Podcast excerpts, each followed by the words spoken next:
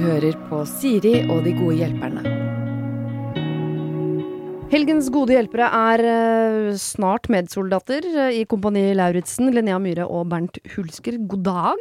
God dag, god dag! Altså, dere har vært medsoldater i Kompani Lauritzen, men det har premiere altså da eh, lørdag 13. Eh, gruer dere dere?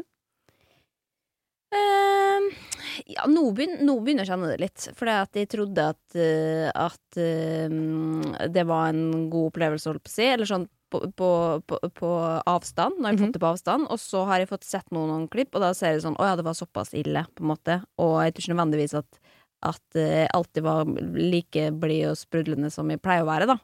Eh, som, som jeg gruer meg til å, å få gjenoppleve. Ja. Ehm, så, men, men det, herregud, det er stas. Det blir jo en god sesong, liksom. Det blir en fantastisk sesong, det er jeg helt eh, overbevist om. Eh, gruer meg, ja, jeg gjør vel gjerne det. Eh, jeg har jo noen outbursts eh, der som jeg er litt spent på hvordan eh, Om det blir klippa vekk. Jeg håper jo ikke det. Vi Jeg tror det kan bli litt morsomt. Og så hadde jeg det først og fremst veldig morsomt der inne.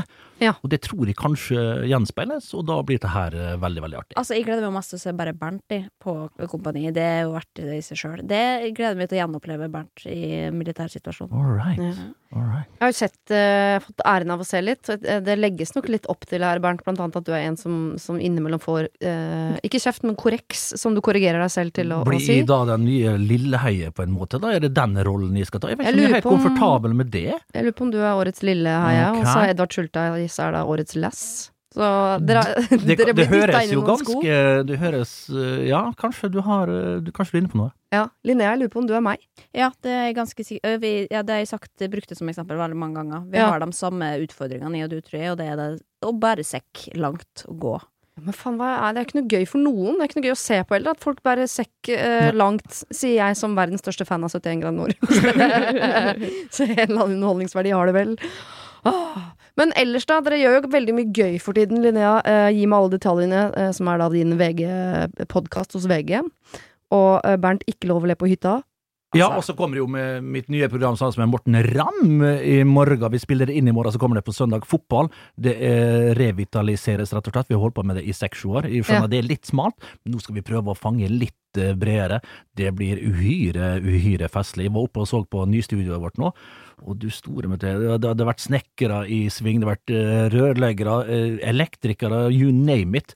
Det her blir veldig, veldig festlig, så det gleder jeg meg veldig til. På torsdag på VGTV der, altså. Altså, det er, altså det er uh, Dette filmatiseres. Så det er Dette som sportsklubben, ja. bare at det er uh, Ja, det- enda mer inn mot fotball, og ikke generelt sport. Takk, Ja. takk Siri. Det- Der forklarte du det bedre enn meg på veldig veldig kort tid. I tillegg så kommer det en podkast i kjølvannet av det her, så du veit det melkes som det melkes kan. Det er greit med hulsker i monitor om dagen. Sånn for Ja, den gjengse jo da, jo da, men det her har vært planlagt lenge. Ja. Eh, Men, og så, ja, litt nå er det jo det i to-tre uker, og så er man borte igjen, så det er ikke, det er ikke verre Man må smi mens, eh, mens hjernen er varmt. Nei, men det her, som sagt, det her har vært planlagt lenge, og nå kommer det tilfeldigvis da i oppstarten av Kompani, og det er jo bra, da. Jeg er enig i det.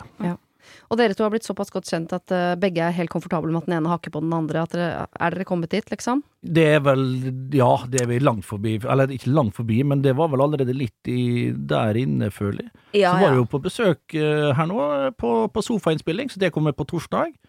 Ja, jeg Eh, føler at de kan At, at eh, vi har det føler, Åh gud, nå blir det klisjéfylt. Men altså at man har kjent hverandre lenge, da. Men det tror jeg handler om bare at man kommer fra samme sted. Man Ja. har samme dynamikken, man Eller det å se, ja, du er fra Overfjorden, men at man liksom Man har en forståelse for hva som er lov å, å hakke, da. Ja. Eh, og det er kanskje noen som tenker at det, det er frekt, men eh, for oss så er det helt eh, Det er kjærlighet.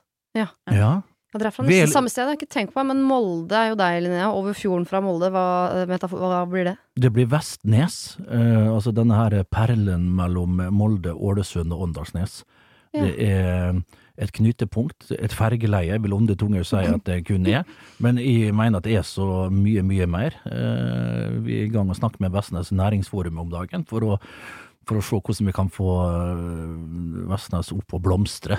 Eh, som ligger, da ligger rett ved siden av Rauma. Rauma har jo fått en voldsom oppsving, ikke minst eh, rett etter eh, Kompani. Ja, det kan jeg fortelle dere hvis dere har litt lyst til å kjenne på det å være kjendis. Så er det bare å sette seg på toget opp til Åndalsnes og vandre litt rundt i sentrum der. Så får du en Ja. deilig liten boost på akkurat det. Så kan du reise hjem igjen. Og slippe å tenke så mye på det. Dere, Vi skal over til første problem, som handler Jeg har spart til dere, for det handler bitte lite grann om militæret. Så hvis dere er lei av militæret, så får dere bare vente litt med den følelsen, for vi skal inn dit igjen. Her står det. Hei, kall meg Lotta. Jeg er gift med en fantastisk mann, og vi har det bra sammen, og han gir meg ingen grunn til å være sjalu. Og det er jeg på en måte ikke heller, men som de fleste menn da, som har vært i militæret, så har også min mann en sånn gjeng han var i militæret med, som han fortsatt treffer en eller to ganger i året. Og da snakker de fortsatt om militæret, vil jeg tro. Og det skal de få lov til. Det har aldri vært et alternativ at jeg skal henge med de. Jeg har fått inntrykk av at dette er konefritt, selv om jeg har foreslått at det kanskje hadde vært gøy om alle traff hverandre en gang. Altså alle disse gutta med konene sine. Det har ikke skjedd. Nå fikk jeg vite at en av de andre konene allikevel har vært med ved flere anledninger, og da blir jeg sjalu. Ikke av typen 'å, er du utro-sjalu', men jeg vil også være med, hvorfor har han ikke spurt meg? Men jeg vil jo ikke spørre, jeg vil at han skal ville, og da, hvis han ville, så ville han jo spurt. Så mine spørsmål er, hvorfor vil han ikke ha meg med? Hvorfor har han ikke spurt? Hilsen Lotta. Poenget her er at han andre fyren som har med seg kona, han blir tvunget til det. Oh, ja. Eh, det, det er hun som er sjalu. Du skal bare være lykkelig du, at du ikke er så steinsjalu som hun andre dama der er. Så du skal aldri tvinge det på. La gutta få holde på i fred. Og hvis han ene, tror du ikke at han ene soldaten der, han synes det er et eh, skikkelig møkk at han, at han må ha med seg kjerringa, Mm. men han har ikke noe valg. Den dama der som får lov å være med, er med på grunn av at hun er så svartsjuk som det kan, eh, så det kan bli. La gutta få kose seg i fred og ro. Jeg har sjøl vært i militæret. Sjøl har jeg jeg hatt noen sånne reunions der og kost meg verre. Aldri vært snakk om å ha med seg damer eller noe sånt. Det er gutteklubben grei som skal kose seg. Snakke om skyting. eh, Telt 30 minus der ute. Oppe hvordan det var i Nord-Norge. Damene har ikke interesse av det i det hele tatt. Så stakkars han soldaten der som må ha med seg kona der. Ja, Eh, Han, det, det har han egentlig ikke lyst til, men han føler at han, har puk, at han er pukka nødt, ellers er det slutt. Så du skal bare være glad for at du ikke du er så uh, sjalu som hun andre dama der er. Så la du bare så her guttene eh, kose seg i fred og ro. Om det, uh, la, dem, la ta være deres en lille plass for å mimre tilbake til der de var for eh, 20 Nei, hvor gammel var hun? 38? Nei, 20 det står år? ikke. Ja, ok. Nei. Men uh, si at det var for uh, Si at hun var rundt 30, da. Ja, ja. For ti år Fant du tilbake akkurat på at hun var til- 30. Jeg syns, du nevnte noe om det. Jo, men altså, det der er jo Jeg skjønner ikke hvorfor hun skal absolutt inn der. Jeg, jeg, jeg, jeg begriper det ikke. Det her er en eh, fristed for han, eh, der han kan få lov å, å kose seg og mimre om gamle dager. Og damer skal eh, Ja, jeg tolker det på samme måte, og, jeg, og, og dette er jo Dette vet jo menn bedre enn oss, på en måte, men men jeg også hadde vært veldig var på å tvinge meg inn i den situasjonen. Men jeg skjønner på en måte at man blir eh, misunnelig eller sjalu når du ser at den andre ja, jenta plutselig eller Hvis det er ei der- jente, Ja. hvis, det er flere, hvis det er flere, Ja, det er greit, da er det på tide å ta opp hansken. Men hvis det er ei dame bare, Mm.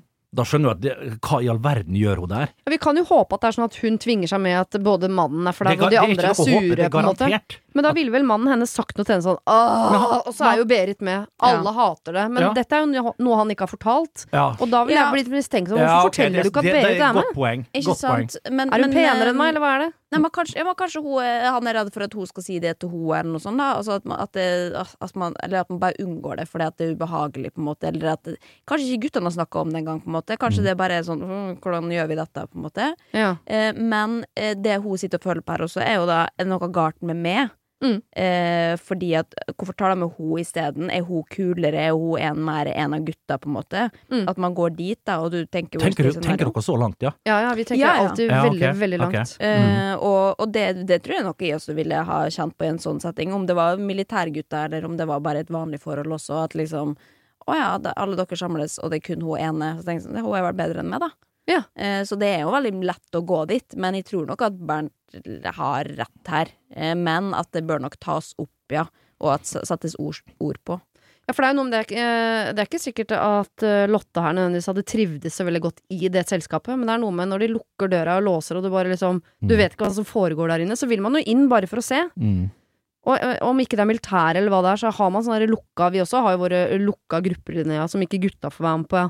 Men kunne man ikke utvida litt, liksom? Ok, så har man hver sine lukkede rom, men én sånn felles greie, sånn at jeg bare tenker Altså, Det er hyggelig det- å vite når han sier sånn Ja, nå skal jeg stikke og møte Knut og Pål og Per og Espen. Så sånn, kan jeg bare få møte de en gang, så jeg vet hva du prater om, liksom? Det Lotte der kan gjøre, da, det er jo kanskje å, å høre med hun andre her, om eh, la, la gutta ha, få være i fred, men kanskje en gang iblant. Ja. At konene kan få lov å være med, så alle kan treffes og alle kan bli kjent. Det kan jo være eh, eventuelt noe annet. Ja, men samtidig så tenker jeg sånn fra mine tidligere forhold også, så, så har man jo mange forskjellige konstellasjoner, og her er det jo på en måte dem, det er dem fra militæret. Det er ikke sikkert de henger så mye sammen i hverdagen ellers. At det er kanskje, kanskje Nei, det det, er en gang i året, da, eller at et eller annet. Ja. Og da er det sånn, da har du ikke lyst å liksom dra med inn Det er ikke alle steder det er naturlig, rett og slett, hvor man kjenner sånn Vet du hva, Kjæresten min trenger ikke være en del av, den, av dette livet. Dette tilhører fortida, på en måte, og den Mm. vil aldri forstå dynamikken.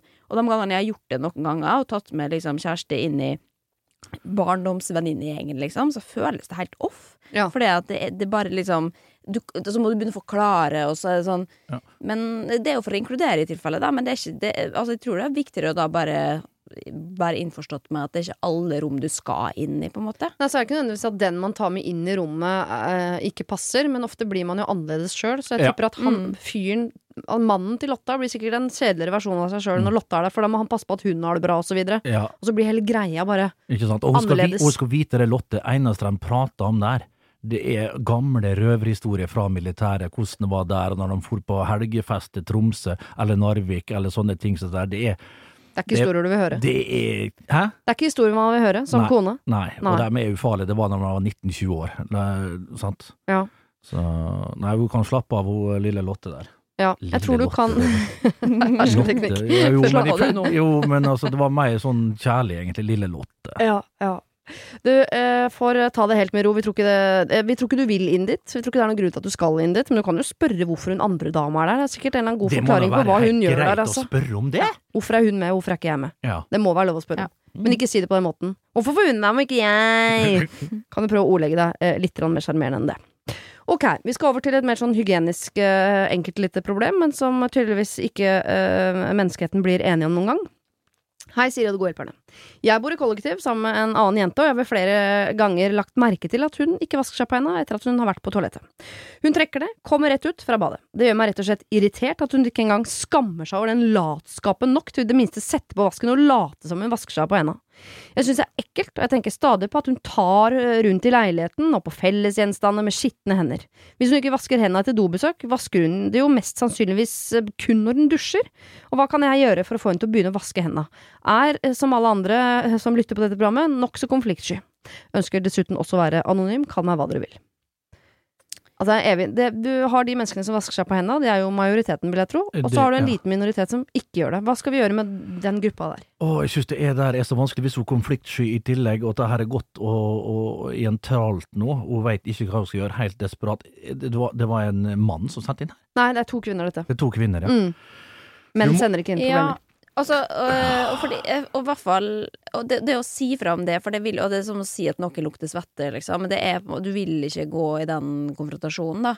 Så da må man jo kanskje liksom greie å stille spørsmål. Men det er jo Og herregud, nå er vi jo inne i et, et år hvor man må vaske seg på hendene uansett. Og til Mm. og med for oss, oss og nå sier oss, jeg har vært litt lat på å vaske hendene sjøl, fordi at de tisser veldig ofte. Og da er det ikke alltid at man gidder å gjøre det når du er hjemme, på en måte. Jeg er en av de som setter på Eh, vasken og later som. Ja, det Innimellom. Men hvorfor sitter du bare ikke hendene Nei, når du først har tatt opp vasken? Ta og gjør men da det. da blir du ikke rein uansett. Da må du stå der først. Og det tar like lang tid, for Ja. vasken står på, og jeg står ved siden av og ser på og tenker sånn, nå lurer jeg systemet, nå lurer jeg systemet, og så går jeg ut. Ja, det er dritekkelt, men det har slu- jeg har slutta med det nå, jeg lover. men jeg skjønner hvorfor det her er Jeg syns det er fryktelig ekkelt sjøl. Ja. Uh, heldigvis ikke opplevd det så mange ganger, men at, at ikke folk vasker seg på hendene etter å ha vært på do, uansett hva du gjør der, altså, det, det er for meg ubegripelig. Ja. Uh, men det er jo sånn som Linnea helt riktig sier her, nå i disse tider så kan jeg iallfall skylde på Du, jeg la merke til du, Nå la jeg faktisk merke til at jeg ikke vasker deg på hendene. Du veit hva vi ved koronatiden Ja, og alt det at, Ja, og her tenker jeg at du, det er en ganske god anledning til Ja. å bruke det som unnskyldning også, og bare si sånn Du, jeg har fått helt jeg er så stressa for all, alle bakterier og alt, og ok, greit, vi er kohort og sånn, men vi, altså Jeg ble helt gæren av å tenke på at ikke du um, kanskje vasker hendene. Altså Mm. liksom eh, Og det ikke, det handler ikke om det personlig, men vi bare sånn Det må jeg gjøre, hvis ikke så, blir, så klikker det for meg. Ja. Altså, si at du har uh, tvangstanker, altså. Men kan man ikke kan det steppe det opp enda mer og sette seg ned en dag og snakke om bare håndvask som en greie? Sånn. Det, Vi, vet du hva, jeg syns egentlig nå, bare i koronatid, så syns jeg vi burde bli enige om Si fra hvis jeg er gæren, altså, men At vi vasker oss på hendene hver gang vi kommer inn i huset. At vi vasker oss enda oftere Jo, Ja, enn men, før. men, men hvis hun er konfliktsky, så hvis hun skal sette seg ned og lage Ja. en stor greier ut av det, for da Ja. gjør du en voldsom greie ut av det. Du kan gjøre det på et artig vis òg. Du kan liksom ta med deg denne her flaska, så hører du at hun ikke har vaska. Du, så står du med en gang hun kommer ut av dassen, så bare spruter du full, full i hendene. Ja. Og så ha-ha, jeg hørte du ikke vaska deg på hendene. Kan hun kle seg ut som Bent Høie òg, bare for å øke Ja, gamet ja, litt? sant? Legge til Ja. den, og så har du en rogalandsdialekt. Jeg, jeg, jeg hørte du ikke vasker på hendene. Vet Ja. du hva? Det så har jeg pass- sett. Eh, når jeg går i Torgata, så henger det på en av disse um, kebabsjappene Så henger det et bilde av Bent Høie Ja. eh, med munnbind på seg, og så står det her eh, Altså, her bruker vi munnbind, eller her og bruker sprit, liksom. Kanskje man lager det, og bare her vasker vi hendene og slenger den opp på døra. Ja. Som et humorinnslag, da. Jeg ler i hvert fall godt av den hver gang jeg går forbi der. Det er passiv-aggressivt, ja. Ja, det er veldig. Det kan òg være et angrep, vet du. Og jeg kunne ikke bare sagt Jo, det til meg. Jeg veit hva du mener her. Men kanskje er det liksom at man sier sånn Ja, nei, til det, når vi får besøk, da. Mm. At, uh, at bare sånn, vet du hva, nå, jeg, jeg kjenner at nå blir mer og mer stressa over folk, og, eller, ka, eller, og ikke minst det, kan man ikke si det litt sånn indirekte hvis man har vært på besøk hos noen, da? Eller eh, si Eller jeg hadde Venninna mi kom innom i dag, eh, og jeg ble så stressa for henne at hun gikk ikke rett på do og vaska hendene, og jeg har fått helt sånn Det syns jeg er så eh, så uforsvarlig nå, eh, men jeg, jeg greide ikke hvordan, å si hvordan Eller jeg visste ikke hvordan jeg skulle si det eh, til henne, fordi at det føltes ut som jeg satt Og så snakker man jo egentlig om henne i, ja, indirekte, Ja, da. ja, ja, ja, Er det Men så konfliktskya, det, det, det er synd. Du må rett og slett bare hoppe i det. Det er mitt beste tips. For meg er dette her så fjernt. Eh, Så det er bare rett og slett å si det, eh, spør du meg. Jo, men er du konfliktsky, da? Nei, jeg er Nei. ikke det. Nei, men det er veldig lett for deg å si, da. Ja, det, det, for, det, det. for, ja, ikke sant. Men uh, gud bedre. da- Skal du gå og, skal du gå og ha det hengende over deg så lenge? Fy fader, du må jo bare hoppe i stormen, altså.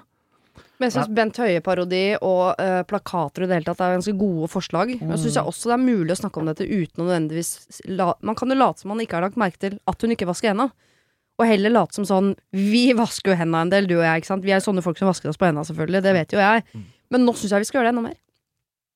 Får man ikke dårlig samvittighet da, som den som Hvis jeg hadde fått den talen, så hadde jeg tenkt sånn Oi, hun Jeg Nei, skal i hvert fall ikke fortelle henne at jeg ikke gjør det i det hele Det hun ikke vet, har hun ikke vondt av, liksom. Ja. Tror, tror jeg. Eh, Men, men jeg holder en knapp på det å, å snakke om noen andre som har ikke vaska seg på hendene, som at det er ekkelt. ja. Eh, og at eh, fordi, fordi da tror Men jeg pass kanskje på å ikke ta opp den rett etter du har vært på do og ikke vaska seg på hendene. men at, at man forteller om Herregud, vet du hva, i dag eh, Og jeg ble så stressa av det. Hva tenker du om dette? Ja. Eh, liksom. Det er i hvert fall en veldig deilig Jeg vet ikke om det blir snarvei eller omvei, men for de konfliktsky så er det der en veldig Ja. deilig utvei, kan vi kalle det. Om det er omvei eller snarvei, er ikke så farlig. Der har du en god utvei på hvordan du kan slippe å snakke om det. Eller så må vi over i humorkategorien. Mm. Da er det på med Bent Høie-maska og, Ja, ja. og kjøre humorshow. Vi ser det, ingenting annet. nei, det ville Bernt gjort. Ja. Ok, vi tar en ny eh, mail her. Her står det. Kjære Siri og dine gode hjelpere. Jeg har nettopp flyttet tilbake til hjembyen min etter å ha studert i en større by i fem år. Grunnen til at jeg flyttet hjem har vært flere, venner, familie, jobb. Samboeren min er ikke fra samme by som meg, men ville gjerne også flytte hit. Problemet er bare at vennegjengen vi har her, som er mine venner fra ungdomsskolen, har helt andre verdier enn oss. Når jeg bodde hjemme var det liksom ikke så synlig, men nå har det blitt et stort problem. Samboeren og jeg anser oss selv som eh, feminister, antirasister, miljøaktivister. Vi er ikke absolutt ekstreme på noen måte, men eh, likestilling, likeverd og klima er viktig for oss. Når vi er sammen med vennene våre, ler de av folk som er trans, kaller folk som ikke er fra Norge for N-ordet, sier at kvinner hører hjemme på kjøkkenet, og prater om hvordan myndighetene prøver å forgifte oss med covid-vaksine.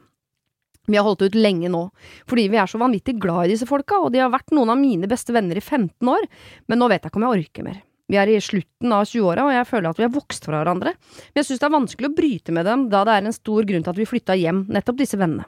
Vi har andre venner som tenker det samme som oss også, eh, men vi har ikke hengt like mye med disse gjennom åra. Så hva skal vi gjøre? Skal vi dumpe vennene våre? Skal vi ghoste dem? Eller skal vi bare holde ut denne praten? Kall meg gjerne Emma. Hun har det ikke som alternativ, men jeg slenger inn et alternativ i potten. Eh, konfrontere dem hver gang. Mm. Klarer man å ha en vennegjeng, Linnea, som er helt motsatt av seg selv? Ja, altså nå har hun ikke i eh, det, sjøl om jeg på en måte kjenner meg igjen i den har flytta fra hjembyen sin og fortsatt har venner som bor i, i Molde. Eh, de er jo ganske oppegående folk og har de stort sett de samme holdningene som vi har her, hvis man kan si det. Eh, eh, men Men jeg skjønner problemstillinga, for jeg vet jo også at det er sånne miljø hvor ikke noen har blitt utfordra på den virkelige verden, og som kan finne på å si N-ordet, Mm. eller som Altså, liksom, det er så mye rare folk der ute. Mm. Um, Eller uopplyste, da. Som Ja, bare Å ja, var det uopplyste, ja. gærent, liksom? Eh, er rett og slett det. Men, det, og dette er jo på en måte Det er jo ikke hennes ansvar å oppdra dem, men hvis vi ikke alle sammen tar det ansvaret om å konfrontere hver gang du hører noe sånt, Mm. så kommer jo ikke noe videre i verden. Nei. Eh, men det er klart at, at man, hvis, man, hvis hele vennegjengen din er der, så er det jo på en måte skal holde hardt å omvende hele Men hun hadde flytta hjem, sant? Det er ikke Ja. at hun er hjemme av og til med samboeren, hun har flytta hjem Flyttet til dit, ja. det her. Og der har de venner som har de samme eh, verdiene de har, som de. de har to men, grupperinger, da, kan du si. Ja, ja. Jeg ville nok sakte, men sikkert hella mot den andre gjengen, altså. Og ikke ghosta dem eller skydd unna. Men altså, det kan jo være litt befriende å ha to forskjellige greier sånn der, og konfrontere dem litt sånn som du sier, Linnea. Men jeg kan jo si for, for mitt eget eh, For min egen del, da, så har jeg jo folk hjemme som jeg ferdes med når jeg kommer hjem, Mm. som har litt uh, forskjellig syn på ting og tang. Og jeg syns jo det kan være litt sånn eh, forfriskende, da, hvis, hvis du sier det sånn. Samtidig så eh, påpeker, på, påpeker det litt når det blir litt for voldsomt. Ja, for det er jo det som ofte skjer, er jo da at du blir da hun, hun, hun som kommer med pekefinger, liksom. Hun kommer fra Oslo og belærer oss, liksom. Og det gjør jo at det kan også bli en ganske sånn splid innad i gruppa, fordi at da, du kommer og tror at du er bedre, da veit så mye mer, og herregud, du bryr deg om miljøet, er du helt idiot, liksom. Eh, sånn, sånne holdninger kan man også da oppleve. Ja. Eh, og hvis det er det du får tilbake, hvert fall, så vil jeg i hvert fall ikke gidda. Da vil jeg, altså, men det, så da er det jo, du må legge dem på balanse her. Men hvis hun liksom har lyst til å utfordre dem på det, og har overskudd til det, så tenker jeg gjør det, men også sikre det på, med noen andre venner i en annen gjeng. Ja, for det diggeste må jo være å kunne gå litt inn og ut av disse gjengene. For det er jo noe med Hvis det bare skal være én gjeng hvor alle sitter og er helt enige med at her bruker vi n-ord og driter i miljøet, liksom, sitter en annen gjeng på andre siden av byen som, som er det motsatte. Det beste hadde vært om den ene gjengen kunne inspirere den andre litt, uten at man må være på jobb. For det orker du ikke som venn. At hver gang jeg er sammen med de, så er jeg på jobb. Så da Ja, misjonerer jeg og prøver å lære de opp om at plast i havet er dumt, og vi bruker ikke en Altså, det orker man jo ikke. Nei, men dette her høres ut som en veldig stor jobb hvis du skal prøve å integrere så der to eh, gruppene eh, og få dem inn i hverandre. Det tror jeg er en umulig oppgave, eh, bortimot. Men kan hun være en eh, bro uten at de nødvendigvis møtes, men ta med seg noen holdninger fra det den kan ene jo til den være, selvfølgelig. Og hvis hun orker det, og hvis hun har overskudd til å gjøre det, så er jo det vel og bra. Men sakte, men sikkert så tror jeg dette kommer til å ordne seg. Hun er i slutten av 20-åra, og da er det ofte sånn. Ja. Da er du i en sånn fase der det er forskjellige ting du, skal, du lurer på, akkurat sånn som det her. Så sakte, men sikkert så kommer det til å feide ut derifra, vil jeg tro, og så havner hun mer i sin rette gruppering. Så jeg tror ikke hun skal Jeg tror hun heller bare skal hvis hun, sånn som jeg ville gjort, da, le litt av det, og ikke prøve å predikere og moralisere for mye. Det er litt sånn lost case, spør du meg, når de er så oppe. Og det, ikke, jeg tror ikke du greier ene alene å omvende en sånn stor gruppe som dette. Det er, da tror jeg heller det blir sånn at det ikke kom her og kom her. Det, det men klart, hvis du er en veldig veldig god person, da, sånn som Linnea er, så ville du kanskje nei, gått inn og prøvd. nei. Jeg hadde ikke tatt med bry med å, å bruke tid på, på sånt uh, sånt der, da. Uh, Men hvis dette er et lite sted, da, ehm, hvor det er på en måte det er, det er de vennene man har, gjengen som bruker n-ordet, og gjengen som ikke bruker n-ordet, bare for å lage to veldig tydelige bokser. Uh, la oss si at gjengen som bruker n-ordet, er de som får barn samtidig som deg, da. mm. Det er, det, altså, man går jo inn og ut av noen faser i vennskapet som gjør at at det er, det er dumt å, å gå men liksom og slå opp med alle Men det går, ja, men det går jo an å være sammen. så det er klart Når du er sammen med kids, så er det ikke noe problem. Hvis du har kids i samme alder, så går du jo ut og gjør kids-ting, og da går du ikke rundt og prater om sånne ting. Jeg vil ikke tro at det, det som er hovedessens, det er det de prater om, er N-ordet og, og klima og alt det der. Du kan jo heller bare peile, eh, peile samtalen inn på noe helt annet, da. Ja, Så du du mener at, ikke, at de skal dumpe denne vennegjengen som bruker Nei, men n-ordet? altså, sakte, men sikkert så kan du feide, ja. Men, men Ja. her bare, de gangene du er med dem, så, er du bare påpasselig med, med å bruke, med å gå inn på noen andre samtaler med akkurat det som gjør at det, det blir kleint og, og, og vanskelig å være der, da. Ja, jeg. for den kan jo være altså, Det er jo veldig mange som er gode mennesker, selv om de har sånne holdninger. Liksom. Mm. Men det er jo bare, som du sier, det er, de, man er uopplyst, da. Um, og, og herregud, jeg kommer jo fra et sånt sted sjøl, og har, har liksom hatt helt absurde holdninger som jeg ikke fatter hvem jeg var. Men i, i, forst,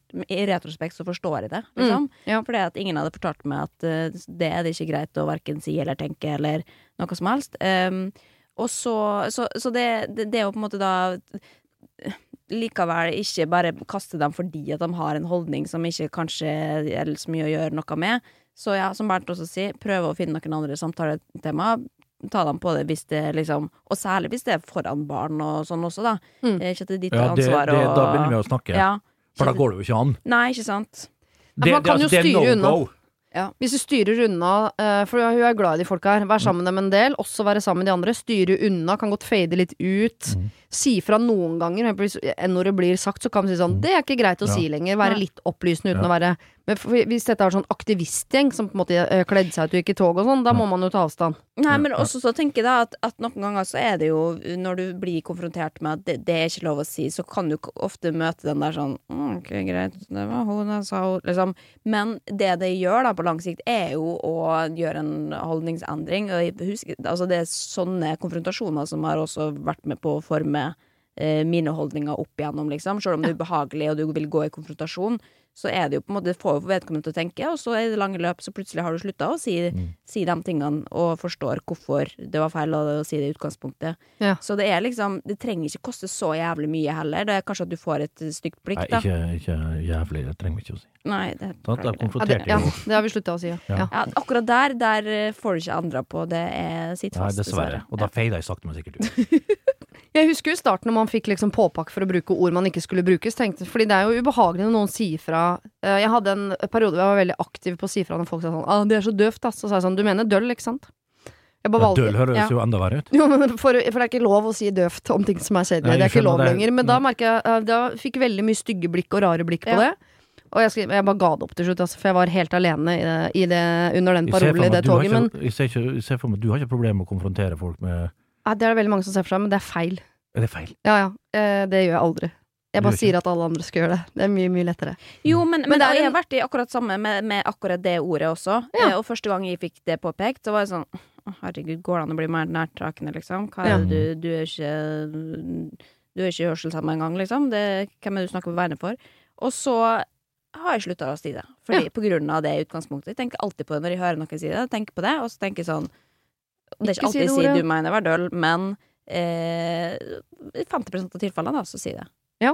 Og da er det jo, nå er vi plutselig to som gjør det, ikke sant? Ja. Og plutselig så er det alle de andre som faktisk bruker ordet, som burde føle seg som idioter. Ja. Mm. ja. Så hvis du or orker, Emma, når du er hjemme på eh, besøk, så må, eller nei, når du er med de vennene dine som eh, trenger å liksom bli litt eh, opplyst, så gjør gjerne det. Bare ikke bli sånn Ikke bli irriterende. Nei, ikke neg. Nei, ikke neg. Og fade ut i perioder hvis det blir for mye for deg. Du har jo heldigvis noen andre venner. døvt, bare for å si det, er det, det begynner vel å dø sakte, men sikkert ut? Nei, Jeg- da. jeg Jeg det- nei, det brukes over er en lav sko. Husk på du bor innenfor ring eh, to, eh, Bernt. Ja. Jeg syns jeg hører det ordet mange ganger hver dag. jeg. Gjør du det? Ja. Ja, men det, Men det er fordi jeg reagerer det, på det, skal altså. vi, det, skal vi, det skal vi ta vekk.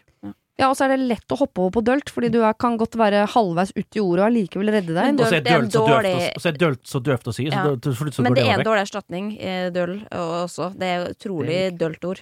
Er ikke døll et ganske gøy ord, da? Nei, Jeg får det- så det- retro, god retrofølelse på det. Litt tilbake er til sånn Mad-bladene og sånn. På pyton 80-90-tallet. Og Mad. Liksom. Ja.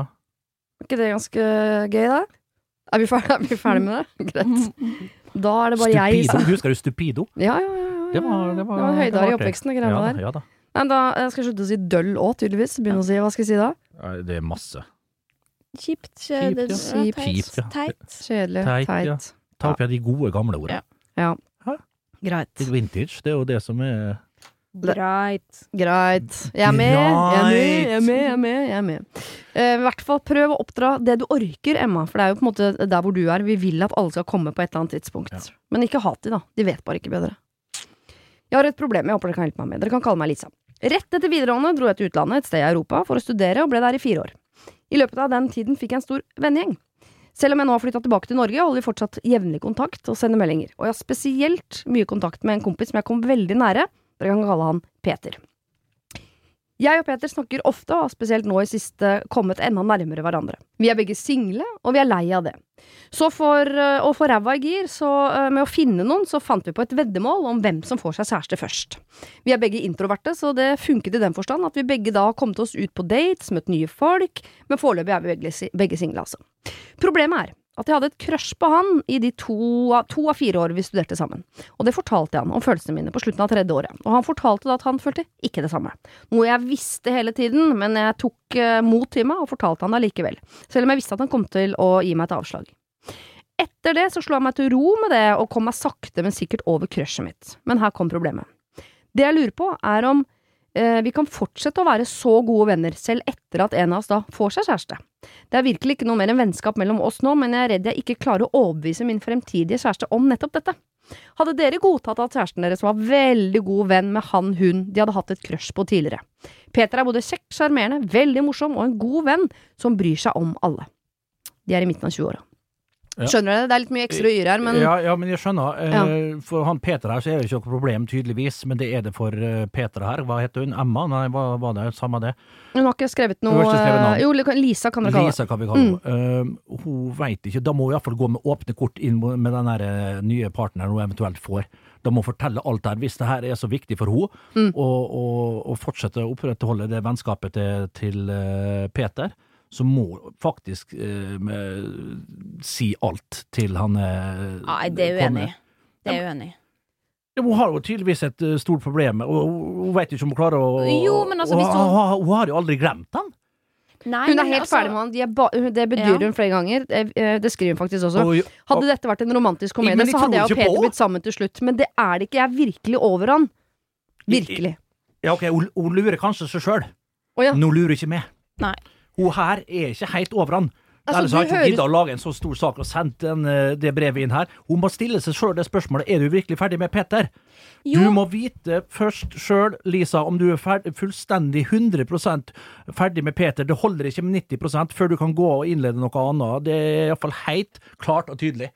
Ja, jeg er helt enig i det, at det, og det høres også ut som at hun kanskje ikke er ferdig med en eh, sånn som det ser ut nå. Mhm. Men hun snakker jo om et potensielt framtidig forhold. Og jeg vil jo anta at når hun finner seg en kjæreste, så kommer hun til å bli altoppslukende forelska i han, får vi håpe, da. Ja, det er den Eh, siste lille dråpen som nå henger igjen hos Peter. Ja. Den blir borte da.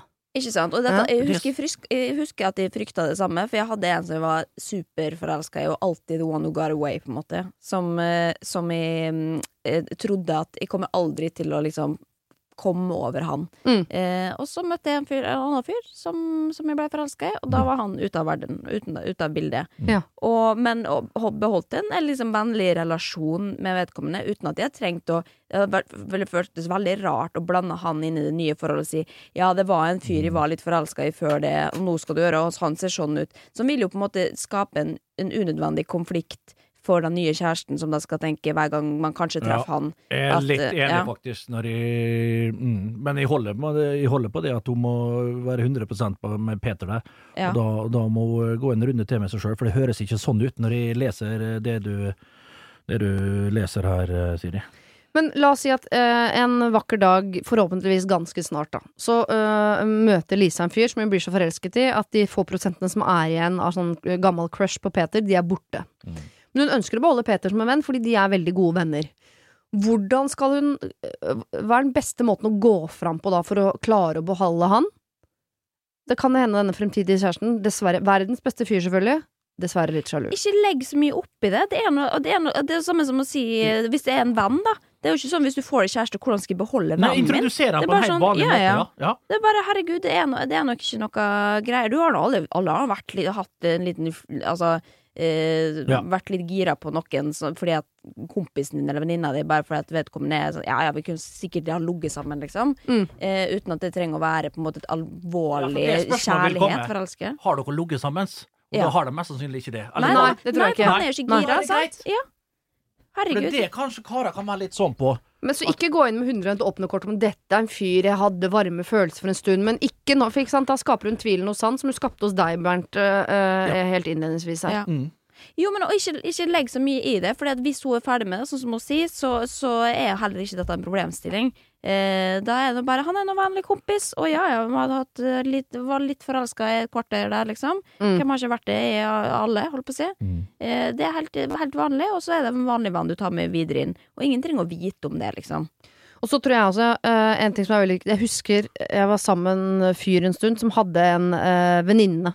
Som han, jeg visste han hadde vært forelsket Eller jeg visste ikke om han hadde vært forelsket i henne, men jeg visste at veldig mange hadde det, for hun var en sånn jente som veldig mange var forelsket i. Så jeg gikk bare ut ifra at min kjæreste også hadde vært det. Ja. Og de hadde et vennskap. Gøy. Uh, men hver gang Jeg sa hun bittert fortsatt. Det er 150 år siden. Jeg er fortsatt sur. Jeg er ikke sammen med noen av de. Men uh, når de skulle treffes, så var det ikke noe sånn 'dette er en vanlig venn'. Han rydda ekstra. Jeg fikk ikke være med. Så var det liksom sånn Og jeg hadde ingen venninner sånn i dag kommer Kari, nå må jeg, nå må jeg vaske, og du må ut! Altså, Mm. og da blir det så mystisk. Ja, det Så jeg tenker at veldig. Peter må inn. Han må inn ganske tidlig og presenteres for denne nye typen. Mm. Det skal ikke være noe sånn 'dette er bare min venn'. Mm. Bare min. Når vi er sammen, er det Nei, bare men vi to. Mest sannsynlig så kommer det som til å skje. Hvis du finner en kjæreste som du er forelska i, så kommer alle vennene dine til å måtte stå i andre rekke uansett. Og, kommer- og hvis han er, bor i utlandet i tillegg, da. Mm. Lykke til med å holde kontakt med han der, altså. Hvis Ja. du blir, når du blir oppslukt i, i kjærlighetens navn. Mm. Ja. Da det skal du holde hardt. Ja. Og det som altså. mest sannsynlig skjer, jeg er veldig glad i å sette ting i bås, får kjeft for det ofte, men jeg klarer ikke å slutte, eh, er at eh, du kommer til å klare å holde kontakt med han når du får deg kjæreste, men når han får seg dame, glem det! det er du, du er vekk. Det er veldig få gutter som får lov til å bevare jentekjærestene sine. Faktisk. Og hvor gammel var hun? De er i slutten av 20-åra. Det her løser seg. Det her løser seg. er. Løser seg, ja. Lykke til. Har du et problem og trenger hjelp, ja, så sender du det til meg. Da bruker du Siri, alfakrøll, radionorge.no. Hei, Siri og de gode hjelperne. Vi bor i et kollektiv, eh, to venninner, og det funket bra i starten.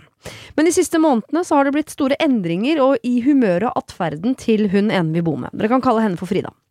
Hun har hatt et tøft år, sier hun, med mye endringer i rutine osv. Vi har også flytta til ny by hvor ikke det skjer så mye for tiden pga. koronaen, så dette har jo spilt en rolle. Men tilbake til humøret hennes. I det ene øyeblikket kan hun smile og le og ha det helt fantastisk, men i neste øyeblikk kan det virke som om hele verden har rast sammen. Da smeller hun i dører, tramper når hun går, og i disse stundene trekker hun seg helt tilbake. Som i og for seg er veldig forståelig, men problemet er at hun ikke sier noe til oss, hun bare forsvinner inn i seg selv. Dette gjør at vi to andre som bor her, ikke helt vet hva vi har å forholde oss til fra dag til dag, og dette er ut ekstremt utmattende i lengden. Mm. Det har eh, som sagt pågått i noen måneder nå, det startet i høst en gang, og jeg merker at hun drar all energi ut av meg, jeg orker rett og slett ikke å forholde meg til henne lenger. Jeg klarer ikke å være i nærheten av henne uten å bli irritert. Hun spiser også veldig lite, og flere ganger i uka kan hun hoppe over måltider. Jeg er veldig opptatt av detaljene til denne eh, bovenninnen, merker jeg. Dette går selvsagt utover humøret hennes. Det skal også sies at hun har forsøkt å slå opp med kjæresten sin, men uten å lykkes.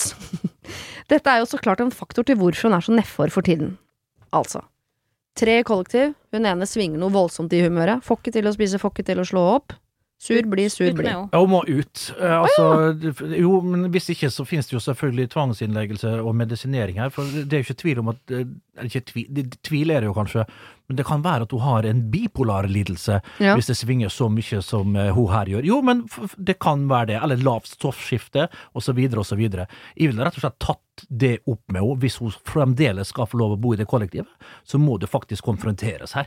For hvis det plager deg så mye og det går utover hele kollektivet, så er det jo ikke noe annet enn å sette seg ned, ha en sånn hva det heter, convention, eller hva du, hva du. Intervention. Intervention, ja. Ja. Convention, ja, det, ja og, og rett og slett, du må, du må jo det. Og sånne ting er jo naturlig å ha i et kollektiv, vil jeg tro. Av og til at du setter ned ok, hvordan var det siste kvartal, er det noe vi kan gjøre rette på her og der? Her må du jo rett og slett inn og prate med mennesket, og, og, og, spørre henne hva det er som er greia. Og jeg skjønner at da får du kanskje ikke svar. Hun er kanskje typen da som ok, hva er problemet, og så går hun rett i, i angrep, men da er det bare på hodet og ræva ut. For det her går jo ikke an, og du kan ikke Dette har jo, som hun sier, det er jo en enorm energilekkasje.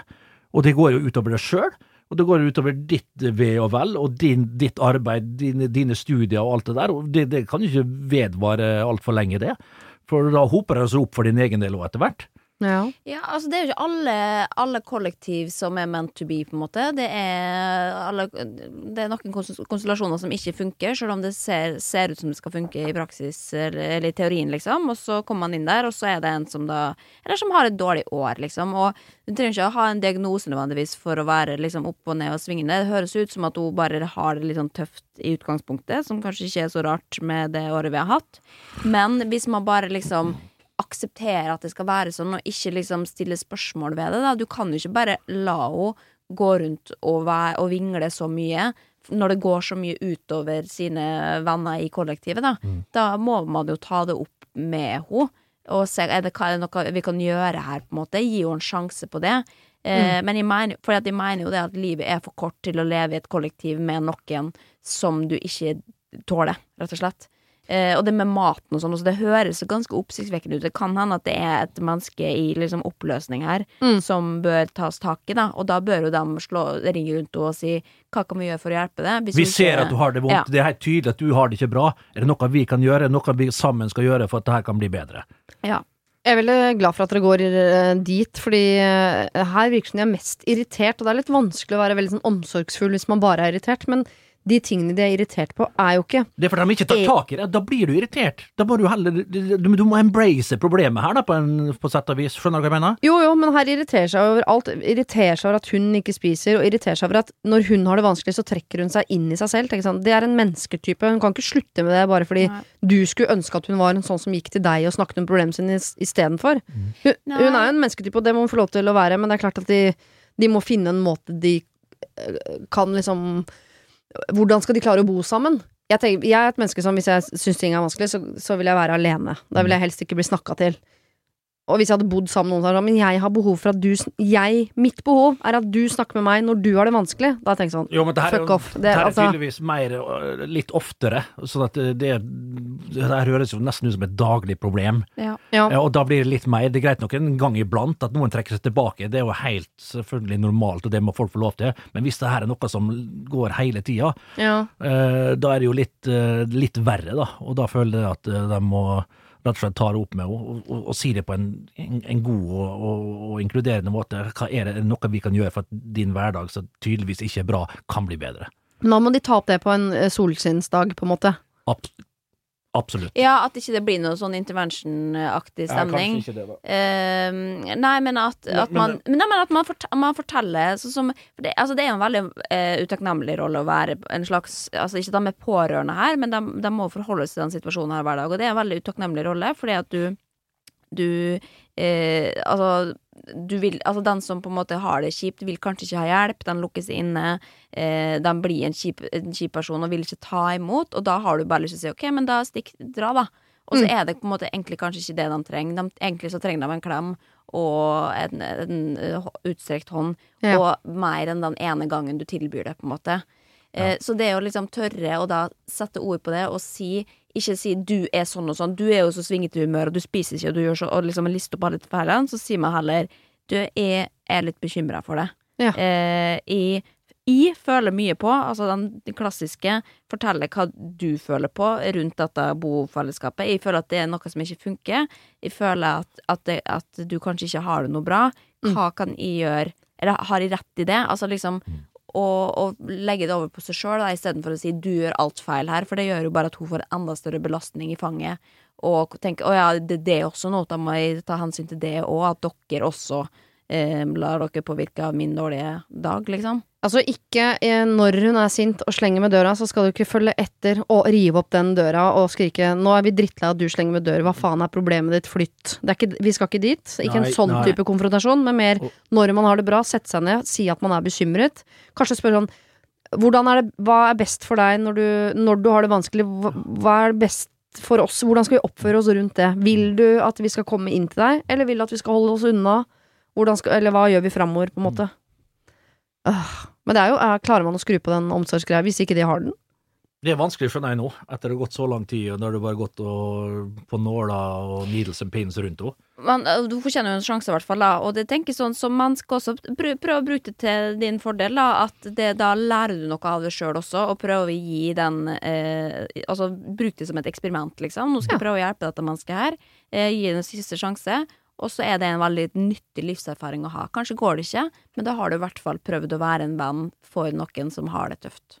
Og får du det ikke til, så er det vel de som syns at dette er vanskelig, som må flytte ut. Ja, og mest sannsynlig, så hvis de tar det opp med oss, så kommer hun nok til å ta initiativet til å flytte ut sjøl. Hvis hun skjønner at hun greier ikke å gjøre noe med dette her, Nei. så kommer hun til å synes at det blir så ubehagelig at hun kommer til å foreslå det sjøl, vil jeg tro. Mm. Jeg vet ikke om du har lagt merke til det, men så langt i dette programmet så har samtlige av problemene vi har tatt opp, vært innsendt av kvinne. Mm. Har dere tenkt på det? Uh, ja. Nei, det har du ikke! Har du det? Mm, ja, faktisk. Ok, ja, Jeg bra. Ja. Eh, Men Jeg prater så sjelden om sånne ting. Ja. Så det, det er litt sånn eh, Det er en sånn annen verden her, og veldig fint. Ja. Veldig, veldig fint. Er Lærer mye. mye. Eh, det vi prøver å gjøre noe med, er jo at dere gutter også, for jeg tror ikke dere egentlig har noe mindre problemer enn det vi jenter har, men dere bare er ikke så flinke til å be om hjelp. Så det er ikke så ofte vi opplever at folk sender inn problemer til Siri og de gode hjelperne, som er, er da fra eh, mannesiden. Det prøver vi å gjøre noe med. Vi har gått inn et samarbeid med Mental Helse og Ungdom, eh, hvor vi prøver å få liksom gutta i snakk. Så jeg har ringt en som heter Oskar, det skal vi få lov til å høre på her. Hvorfor dropper flere gutter enn jenter ut av skolen? Hvorfor begås 70% av alle selvmord av gutter og menn? Og hvorfor blir færre gutter og menn diagnostisert med psykiske lidelser? Ikke fordi de ikke har problemer, men fordi de ikke ber om hjelp. Vi må snakke om gutta. Hei, eh, Oskar. Har du et problem til meg i dag? Hei, ja det har jeg, vet du. Jeg har fått inn et problem fra Hans, som skriver. Eh, Jeg er i et parforhold som er veldig fint, og vi to har det veldig godt sammen. Men i det siste så har jeg merka at mannen min er nedfor. Jeg tror han kan på være, være på vei inn i en depresjon. Vi snakker om det her, og han er enig i at han ikke har det så bra nå. Men han vil likevel ikke gå til psykolog, og sier bl.a. at han ikke har noen kompiser som han vet at sliter psykisk. Som, ja. Jeg er nok den ene personen han har snakka med om det her. Hvordan kan jeg få han til å bli mer åpen, og ikke minst, hvordan kan jeg få han til å oppsøke hjelp dersom det er det her han trenger? da. Så det er rett og slett eh, to, to stykker her som har prata litt i lag, og de er litt usikre på Han Han er ønsker å hjelpe kjæresten sin. Ja. Han vil hjelpe, og han vil også at noen andre skal hjelpe. Ja, Og oss i tillegg, så det er tre, da. Han vil hjelpe, Ja. vi skal hjelpe, og så vil han at en psykolog skal hjelpe. Ja, Nettopp. ok. Dette trehodede trollet skal jeg se om ikke jeg kan få kurert, altså. Supert. Og apropos trehodet eh, troll, så er det jo på en måte det vi er her i dag eh, også, Bernt og Linnea. Eh, her er det jo da eh, en mann som vil at mannen hans igjen, Hans eh, Nei, Hans er jo han som sender inn. Han vil at mannen skal på en måte bli flinkere til, eller akseptere at han trenger hjelp. Hvordan gjør man det? Uff, nei, det er noe å be, eller å liksom overbevise noen om at man skal, skal oppsøke hjelp når man ikke har gjort det før. Det er ikke noe lett. Eh, fordi man skal jo, vil jo gjerne innse disse tingene her sjøl. Eh, Min erfaring i hvert fall. At man har Du har ikke lyst til å bli tvunget til å få hjelp, for det er jo Og særlig kanskje for menn, da, at det er liksom litt ekstra skam å Ja. måtte snakke om følelser. Eh, men jeg vet ikke, har du noen eh, tanker, Bernt? Det, det er altså han som eh, ringer inn her, det er hans sin mann Ja. som har et problem. Han sliter, men han vil ikke ha hjelp. Som er jo litt sånn typisk uh... Og jeg vet ikke om du skal inkludere flere inn i dette her, for da gjør det det verre. Det skal vi i hvert fall være forsiktig med, for da, kommer, da, da blir, blir han eh, kompisen her fort sint. Ja. Du må rett og slett messe litt mer på det, tror jeg. Jeg tror du må ta det opp med han, og så må du rett og slett du må, Jeg veit ikke, jeg syns det her er fryktelig, fryktelig vanskelig, eh, rett og slett. Jeg har ikke så mye erfaring med det sjøl. Eh, men, men hvordan kan vi hjelpe her? Altså, Men, men kan du kjenne på eh, Hvis du hadde hatt en La oss si du har kommet inn i en litt sånn mørk periode av Bernt, eh, Ja. livet hadde vært vanskelig, Ja. så virker det som terskelen for å gå til psykolog for deg antageligvis ville vært veldig mye høyere enn antageligvis ville vært for meg, da. Ja, men, ja. Hvorfor det? Nei, det veit jeg ikke, men jeg vet i hvert fall at hvis noen har kommet og sagt det til meg nok ganger, så ville jeg iallfall ha, ha, ha kjent og følt på det, og hadde vel nok kunne hørt etter etter hvert. Men jeg vet ikke hvor gamle disse her var. I min alder så lærer man jo litt og man blir jo eldre, og man blir jo mjukner litt opp og skjønner litt mer med, med åra. Men klart, hvis du er litt yngre enn meg igjen, så tror jeg det kan være tøft. Og så er det det der med Jeg vet ikke hva slags miljøer de vanker i, det kan være litt sånne ting òg hvilke folk han har som venner, prater sikkert lite om følelser og alt det der. Jeg tror det, Jeg syns det er uhyre vanskelig, altså. Men det er Ja. jo bare liksom å ikke gi seg, i hvert fall, da. Nei, og dette her er jo Det høres ut som det er ganske ferskt, liksom. Mm. At det er, han har akkurat åpna seg til han. Og det tror jeg at Altså, det er det viktigste Mm. steget man tar. Og det å liksom da si OK, men nå har du åpna dette med, da må du rett til psykologen, liksom. Det tror jeg at kan være en altfor rask eh, liksom eh, ja, gå videre for raskt, rett og slett. For at du trenger å trygges på at det du sier Hvis du aldri har satt ord på noen sånne følelser før, Mm. så må du lære deg det språket.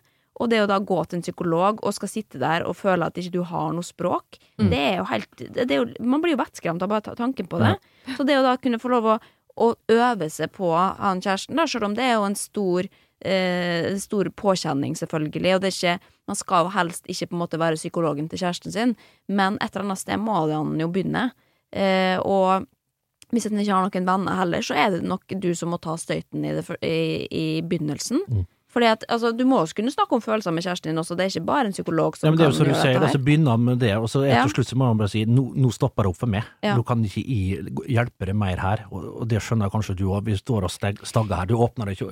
Ikke Altså, sant? ja, Men sant. da har nok kanskje vedkommende Da har du snakka så mye om følelsene sine, forhåpentligvis, da, at man tenker at, at man er litt mer åpen for at ok, men kanskje Mm. nå føler jeg at jeg mestrer det å prate om ting litt bedre. Kanskje også bli vedkommende bedre. Depresjon kan jo også gå over, liksom. Mm. Um, så, men så klart at hvis det liksom er medisinering og sånn eventuelt som er inne i bildet, så må man jo uansett gå til lege og prate med noen. Uh, så enten så må man vente på at det går over, eller så må man uh, sakte, men sikkert opparbeide seg på en måte verktøy til å Eller språket, da, for det, sånn at man kan tenke at nå er jeg klar for å snakke med en tredje person. For det er vanskelig å ordlegge seg. Vet du, han vet ikke hvilke ord han skal bruke, rett og slett. Han klarer ikke å sette ord på sånne følelsene han har oppi der. sant? Det er jo det, er jo det som er så vanskelig, hvis du sliter litt.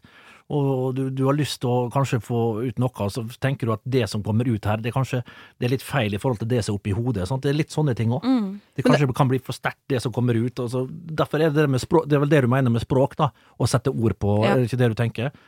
Ja, Og samtidig som jeg tenker Det kan kanskje være lettere nesten hvis man er utrent å snakke med en psykolog enn en annen som er utrent, hvis du skjønner. For da, de er jo flinke til å dra ting ut av det. Ja, det beste er uansett, eh, og det, det frieste og det enkleste, eh, selv om det høres ikke sånn ut, så er det faktisk å prate med en profesjonell, eh, vil jeg tro, altså, Ja. om, eh, om sånne ting. Absolutt. Og så tips, da, hvis det er en litt sånn Nei, men altså, jeg vet jo jeg aner ikke hvilken type dette her er, men det er jo da Bruke eksempel sånn Sopranos, for eksempel, hvor eh, verdens eh, kuleste mafiaboss liksom går til psykolog. Gjør det. det er jo noe avvæpnende med det også. Bare sett på den serien og se at ufarliggjør det, da. Ja. For det er jo det, vi har ikke snakka nok om det, liksom. I hvert fall ikke med menn i, i terapi, da.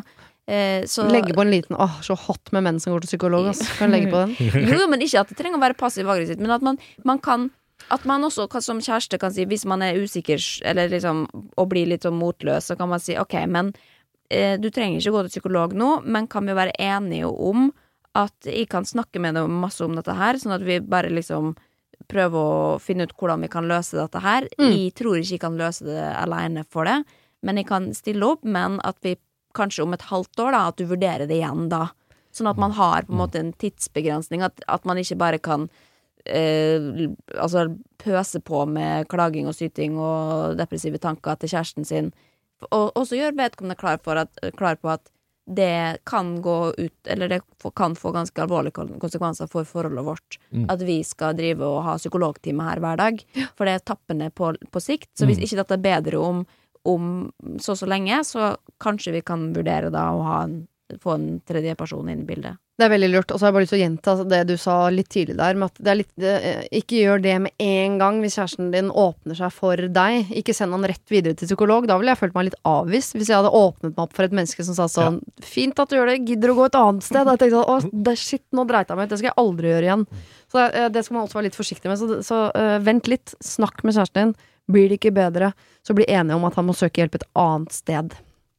Ok. eh, Det er ganske ofte at vi har problemer her hvor eh, noen vurderer å ghoste andre. Hvor de spør sånn Kan jeg gjøre det slutt med en venn, eller skal jeg bare ghoste? Alle, eh, vi er komfortable med begrepet ghosting her inne, sant? Ja, relativt.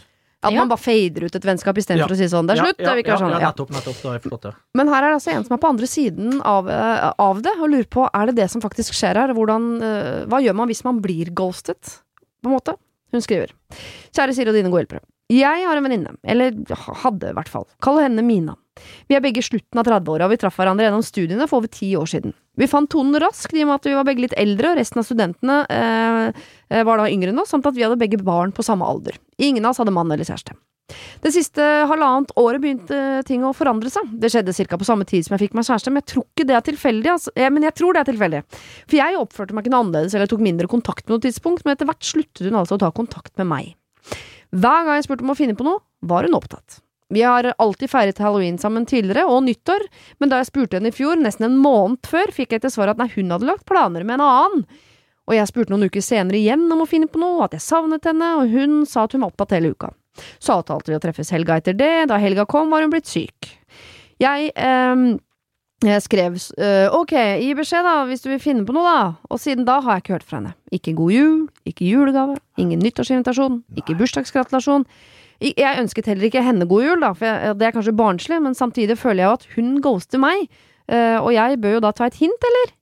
Men nå har jeg altså ikke hørt noe siden november. Barna spør jo om å få treffe dem også, og de er lei seg og skuffet, så hva gjør jeg? Skal jeg bare la dette dø ut av seg selv, eh, som det jo holder på å gjøre, eller skal jeg sende en melding og spørre hva som egentlig skjer her? Hun tar aldri telefonen når jeg ringer uansett. Hva skriver man da i så fall? Jeg har sendt mange, savner deg, kan vi finne på noen snartmeldinger siste året, og det hjelper altså ikke. Hun har ingen andre nære venner heller, det har hun aldri hatt, og jeg har på en måte vært den eneste hun har, så jeg forstår ikke dette. Hjelp! Hilsen Guro. Hjelpe meg, Guro. Så, det, først og fremst, det var så, så, det var så sårt å høre dette her. Ja. Det må være så forferdelig grusomt å føle på det. Og hvis hun ikke har noen andre, hun, hun andre der, da. eh, Kan det være at hun har et uh, problem? så jeg vet da ikke. Jeg ville aldri ha keisa noe sånt, da. Det kan jeg jo si her og nå. For meg sjøl så ville jeg jo latt ok, da får det bare være. Hvor lenge skal du holde på liksom å, jage etter det der uh, hvis du ikke får noe respons og ingen eh, eh, Hva det heter eh, Ja.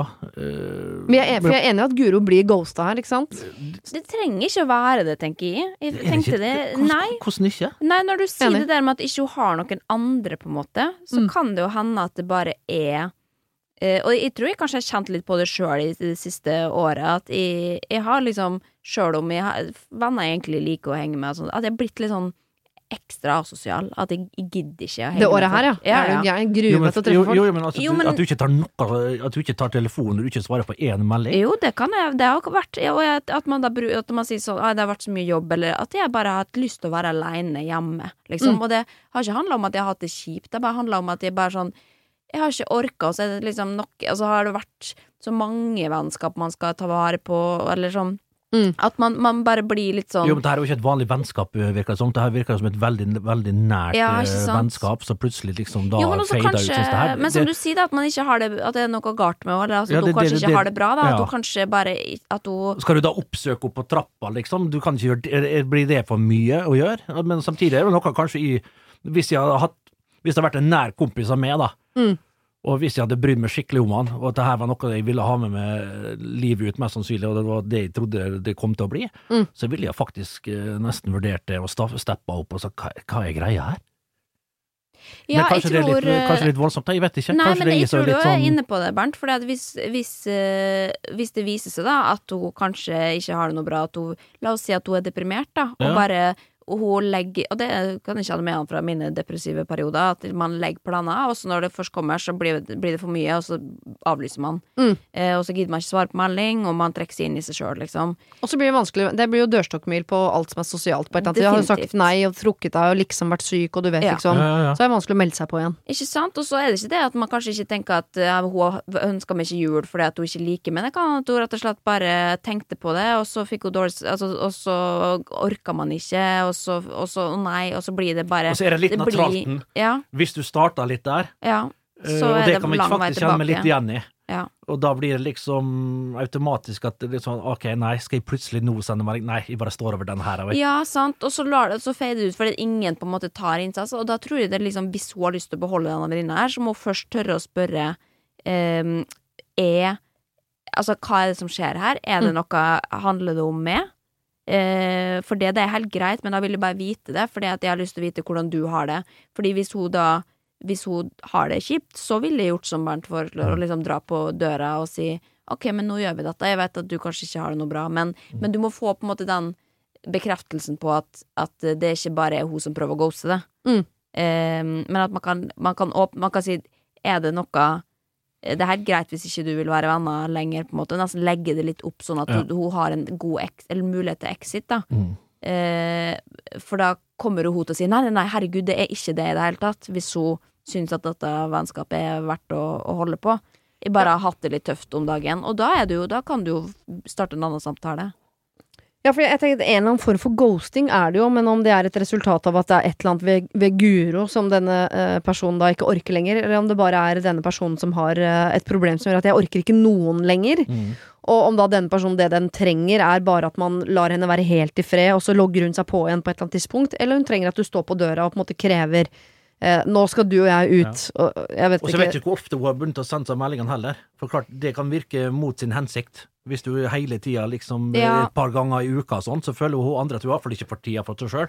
Og da bare blir det lenger og lenger den perioden at hun i hvert fall ikke gidder å Gi meg fred, altså, hold fred. Det kan godt hende hun sitter i andre enden der og tenker 'gi meg tid', 'gi Ja. meg tid', så får hun aldri tid, ettersom du ringer og maser og sender SMS-er hele veien. Mm. Det kan òg være en greie. Ja, eller at hun eh, på en måte har det så vanskelig at hun sitter i andre enden og vet at Og nå, nå får jeg en veldig hyggelig melding. Mm. nå- jeg har vært en dårlig venn mot deg nå. Du skriver 'jeg savner deg', og jeg savner jo deg tilbake, men jeg kan på en måte ikke Jeg orker ikke å skrive det, for da starter jeg noe som jeg vet jeg ikke orker å følge opp. Fordi da betyr det at vi skal møtes, og det har jeg egentlig lyst til, men jeg orker ikke. Ja. Ja, Altså, og det er liksom det er ikke Ja. alle som altså, Man endrer jo behov også. Det er ikke alle vennskap man trenger å møtes uh, en gang i uka eller måneden eller halvåret for den saks skyld. Herregud, jeg har mange som jeg kan holde kontakt med på SMS og ikke treffe på ja, for en gang i jula, liksom. Og det, det holder. Men det er derfor jeg tenker sånn hvis hun hadde fått den 'gratulerer med dagen', at det på en måte var Ja. litt lunk på bålet fra andre Ja. sida, liksom, så hadde jeg tenkt sånn Ja, Dette er sikkert en fase man skal gjennom, men den, det virker som hun på en måte bare har Altså, jeg skjønner hvis Guro sitter og tenker sånn Det må ha skjedd noe. Har jeg gjort noe Ja. galt? Hva? Og dette er jo straffen for ghosting på mange måter. Jeg, jeg har vingla litt opp igjennom på om jeg egentlig er for brudd eller ghosting når det kommer til vennskap, og jeg er stadig ikke landa sånn veldig hardt noe sted, men men dette er straffen for å ghoste, for da sitter en Guro i andre enden Mm. som er lei seg og ikke forstår. Mm. Og da kan det komme spørsmål, og da mener jeg at man skylder, hvis man noen gang har vært glad i hverandre, skylder man å svare på de spørsmålene. Ja. Men, ja, ikke sant. Men, jeg vil, ja, men det tar med å gi litt tid, da, og la henne få litt fred. For hun tenker sånn som du sier. Ja. Hvis, du, da, hvis hun plutselig svarer, da, så tenker hun ok, da er hun her, uh, Guro her, all over the place med en gang. Ja. ja, for kanskje Guro er sånn som spiser opp. Ja. Det, det kan være noe der òg, altså. Så tenk litt gjennom det, Guro. Ja, men jeg still i hvert fall, tør å stille det spørsmålet og si Og legge opp til at hun kan få lov altså, Og da må du tåle et ærlig svar også, da. Mm. Men at bare, bare si 'jeg vil gjerne vite det', liksom. For jeg tolka det litt som at vi, vi kanskje liksom ikke, ikke bruker ordet ghosting, liksom, men, men at man At du tar avstand, og, og det, jeg bare vil vite det hvis det er noe jeg kan gjøre Ja. eh, for at uh, vi kan Altså, nei, vet du faen jeg. Det er vanskelig. Altså, det, da, da må du tweakes på den meldinga, altså. Men, men i hvert fall tørre å stille spørsmålet, Mm. tørre å få svar. Og hvis det, hvis det, det er et avslag, så må man finne seg i det. Og hvis det på en måte er fortsatt åpen dør, Mm. så bør man prøve å kanskje, ja, i hvert fall kartlegge hvor innafor det er å gå og ringe på uten forvarsel, da. Og det, er, fordi hun skri, og det er jeg veldig glad for at hun skriver. Hun skriver sånn uh, det, Jeg føler at hun ghoster meg på et slags vis, og jeg kan jo ta et hint. Spørsmålstegn. Tenker sånn Alle ghostere vil jo at den i andre enden skal ta hintet, ikke sant? For man vil ikke bli er konfrontert med. Det er, kanskje er det bare at, at man, man ikke tør å snakke sammen, og da antar man at ja, det er vel ghosting, da. Og herregud, jeg kan være en jævlig god ghoster sjøl. Eh, men det, beste, det er jo bare fordi jeg ikke gidder å si eh, Det tror jeg no. Altså Hvis jeg ville hatt et svar fra deg, Linnea, så hadde det ikke hjulpet at jeg sendte deg masse meldinger. Da måtte jeg Nei. stått på døra di. Det hadde vært veldig ukomfortabelt for deg, Ja, men da hadde det. jeg fått det svaret jeg trengte. Jo, men i, da ville jo jeg heller hatt den meldinga fra vedkommende som føler at jeg driver og ghoster, og si du, hva er det som skjer nå? Eh, Ja. For da kan jeg, da kan jeg få lov For det er veldig unaturlig at da, hvis jeg holder hvis jeg er midt i ghostinga, at jeg da skal si sende melding og si det er slutt, for da hadde jeg jo ikke trengt å begynne å ghoste i utgangspunktet. Nei. Så du Eh, tenker at du Nei. kan sende en litt mer sånn en, en melding som krever et svar i Ja. større grad enn 'jeg savner deg', for det kunne jeg t liksom sett på sånn ved hofta. Tenkt sånn, det trenger jeg ikke å svare på, eller det tar jeg seinere, og så glemmer man det. Mm. Men mer sånn Nå sitter jeg med hodet fullt av tusen spørsmål. Har jeg gjort noe? Hva skjedde? Går det bra? Altså at man er mer konfronterende i, i måten å spørre på, i håp om å få svar, da. For det å stå på døra er jo litt invaderende, altså. Ja. Jeg hadde blitt livredd hvis noen plutselig sto på døra mi. Jeg kunne blitt lynforbanna. Litt enig i det. Ja, jeg er helt enig, men det er samtidig det du bør gjøre hvis noen eh, sliter. Hvis noen har det kjipt. Eh, og, og da må man nesten brytes inn noen ganger. Ikke Ja. alltid, men noen ganger. Så det, det, det er dette her som trengs en avklaring for å vite om Ja, hvordan skal man vite det? Det er det man vil Hvis man vet Sende det. melding. Spørre. Skal jeg stå på døra di? Nei, spørre hva skjer her? Hva, hva vil du? Mm. Hva, hva er vi, og hva ser du for deg? Ja. Eh, er det slutt? Ja eller nei? Og så kanskje legge opp til at hvis det er sånn at du trenger tid for deg sjøl i månedsvis av gangen, så er det greit, men kan du bare gi meg en liten Ja. heads up, så ikke jeg sitter og føler meg dum i andre enden, liksom. Mm. Ja, veldig bra. Mm, ja. Jeg syns først og fremst dette problemet skal vi bruke til alle dere der ute som ghoster. Det kan sitte en guro i andre enden som lurer på hva som skjer. Det gjør det alltid. Ok, her står det. Hei, jeg er en 31 år gammel uh, jente. Kaller meg Vera. Jeg jobber som sykepleier. Jeg er samboer med verdens mest omsorgsfulle mann. Kaller han Kurt. Han er 35 og jobber som snekker. Jeg er oppvokst på et småbruk, og her drev jeg med hest og hund og hadde det kjempefint. Og min store drøm har hele tiden vært å ta over dette bruket når foreldrene mine ikke lenger ønsker å bo der. Bruket har vært i familien siden det ble bygget tidlig på 1900-tallet, og søsteren min er ikke interessert, så det faller naturligvis på meg. Min samboer var og er overhodet ikke interessert i dette, da han ønsker å eie noe eget som bare han har et forhold til. Så for tre år siden så flyttet jeg til min samboers hus, som han eier, og jeg solgte hester og satte til side min egen drøm for Kurt. Eh, han lovet at det skulle bli så fint, at han skulle gjøre alt for at jeg skulle trives. Han skulle pusse opp, noen måte på hva han skulle gjøre for å få henne til å trives i dette huset. Lite skjedde med oppussing, og uventet ble jeg gravid, og da gikk selvfølgelig all tiden til denne graviditeten og til barnet. Savnet etter hjemgården og hestene eh, tok på et tidspunkt overhånd, og vi havnet i parterapi, og da fortalte jeg Kurt at jeg ønsker ikke å bo med han mer. Men da lovet han at de skulle finne et nytt hus, og de skulle pusse opp huset de bodde i, sånn at de kunne leie ut det, og alt, ikke sant. Han lovte veldig mye en gang til, og hun la igjen bort gårdsdrømmen. Vintertid byr ofte på rolige dager for en snekker her vi bor, så Kurt har ofte fri fra jobb. Da velger han å spille PlayStation, eller sitte på mobiltelefonen, og jeg har tusen ganger prøvd å oppmuntre, motivere, mase, ikke mase, for å få oppussinga i gang, uten hell. Vi har satt opp liste med datofrister for ting som må gjøres, og det er oppgave for oss begge, uten at han har overholdt noen av sine frister. Han er rett og slett lat. Nå i skrivende stund har da mine tanker eh, om familiegård blusset opp igjen, eller bare finne meg en leilighet sjøl. Ønsker virkelig ikke å flytte fra Kurt, altså, og ikke vil at barnet vårt skal måtte ha foreldre som ikke bor sammen heller. For vi er veldig gode mot hverandre, vi har masse kjærlighet til hverandre. Jeg vet bare ikke hvordan han skal skjønne alvoret i dette. Jeg føler at Kurt ikke ser hva jeg har ofret for han, og han, eh, han hater all prat om følelser, og han er sikkert drittlei maset mitt, men allikevel. Jeg syns det er på tide at jeg kan få trives litt, når jeg har ofra så mye for han. Men hva skal jeg si eller gjøre for at Kurt skal forstå hva jeg tenker og føler? Med vennlig hilsen Vera. Oi, oi, oi. En lat snekker. Det er jo ikke særlig sexy i utgangspunktet, det må vil jeg tro. Men, men eh, gud bedre meg for en tålmodig dame du er. Eh, Det vil jeg si. Du står jo på for ditt og for familien og gjør alt eh, det riktige her. Men til slutt så må jo du òg få lov å kreve noe. Ja, litt være vel tålmodig, eller? Litt vel tålmodig, ja. Eh, Jeg skjønner at den tanken om å forlate har streifa det. Og tomme løfter og lovnader det kan ikke holde alt altfor lenge. Nei. Jeg syns at her må det rett og slett et ultimatum til. Noe må skje, ellers så er det på haug og ræva ut her, eh, kutt. Eh, Er det et ultimatum Kurt trenger? Jeg, jeg prøver å ja, unngå ultimatumer, men noen ganger her- må man Her er det ingenting annet som hjelper, tror jeg. altså. Nei, nei. Her virker det for å være knallhard. Her har han fått nok sjanser, og jeg syns hun eh, Hva heter hun? Vera. Vera, ja. Vera har vært ja, veldig tålmodig. Og hvis hun har gitt opp den drømmen, og hun fremdeles har et snev av den drømmen igjen, og er villig atter en gang til å gi opp den eh, for å hoppe inn i et nytt hus, som hun har gjort, og det er ikke blitt pussa opp igjen. Og hvis du ser han sitter og spiller PlayStation og drar og dirrer på, på, på Candy Hva heter det? Candy Candy Crush og sånn Men bytta ut hest og hund mot en mann som spiller Candy Ja, Crush. vet hva? Det, det, Det er dårlig bytte, ass. det er et elendig bytte. Mm. Så tenk deg, tenk deg godt, godt om, herr Vera. Og du har et langt, flott liv foran deg. 31 år. Ja, det, er, det, du skal ikke sitte og se Ja. på gubben spille Nei, Nei, du man si? skal ikke det. Nei, men, og, og man, man har bare ett liv. Eh, og nå har hun kommet eh, dit hun har kommet, og har hatt gode år med Kurt, som går nedover, på en måte. Og du, i, liksom jeg hører, i, Når hun sender inn dette spørsmålet, så hører jeg jo at det er noen som egentlig er litt ferdig, på en måte.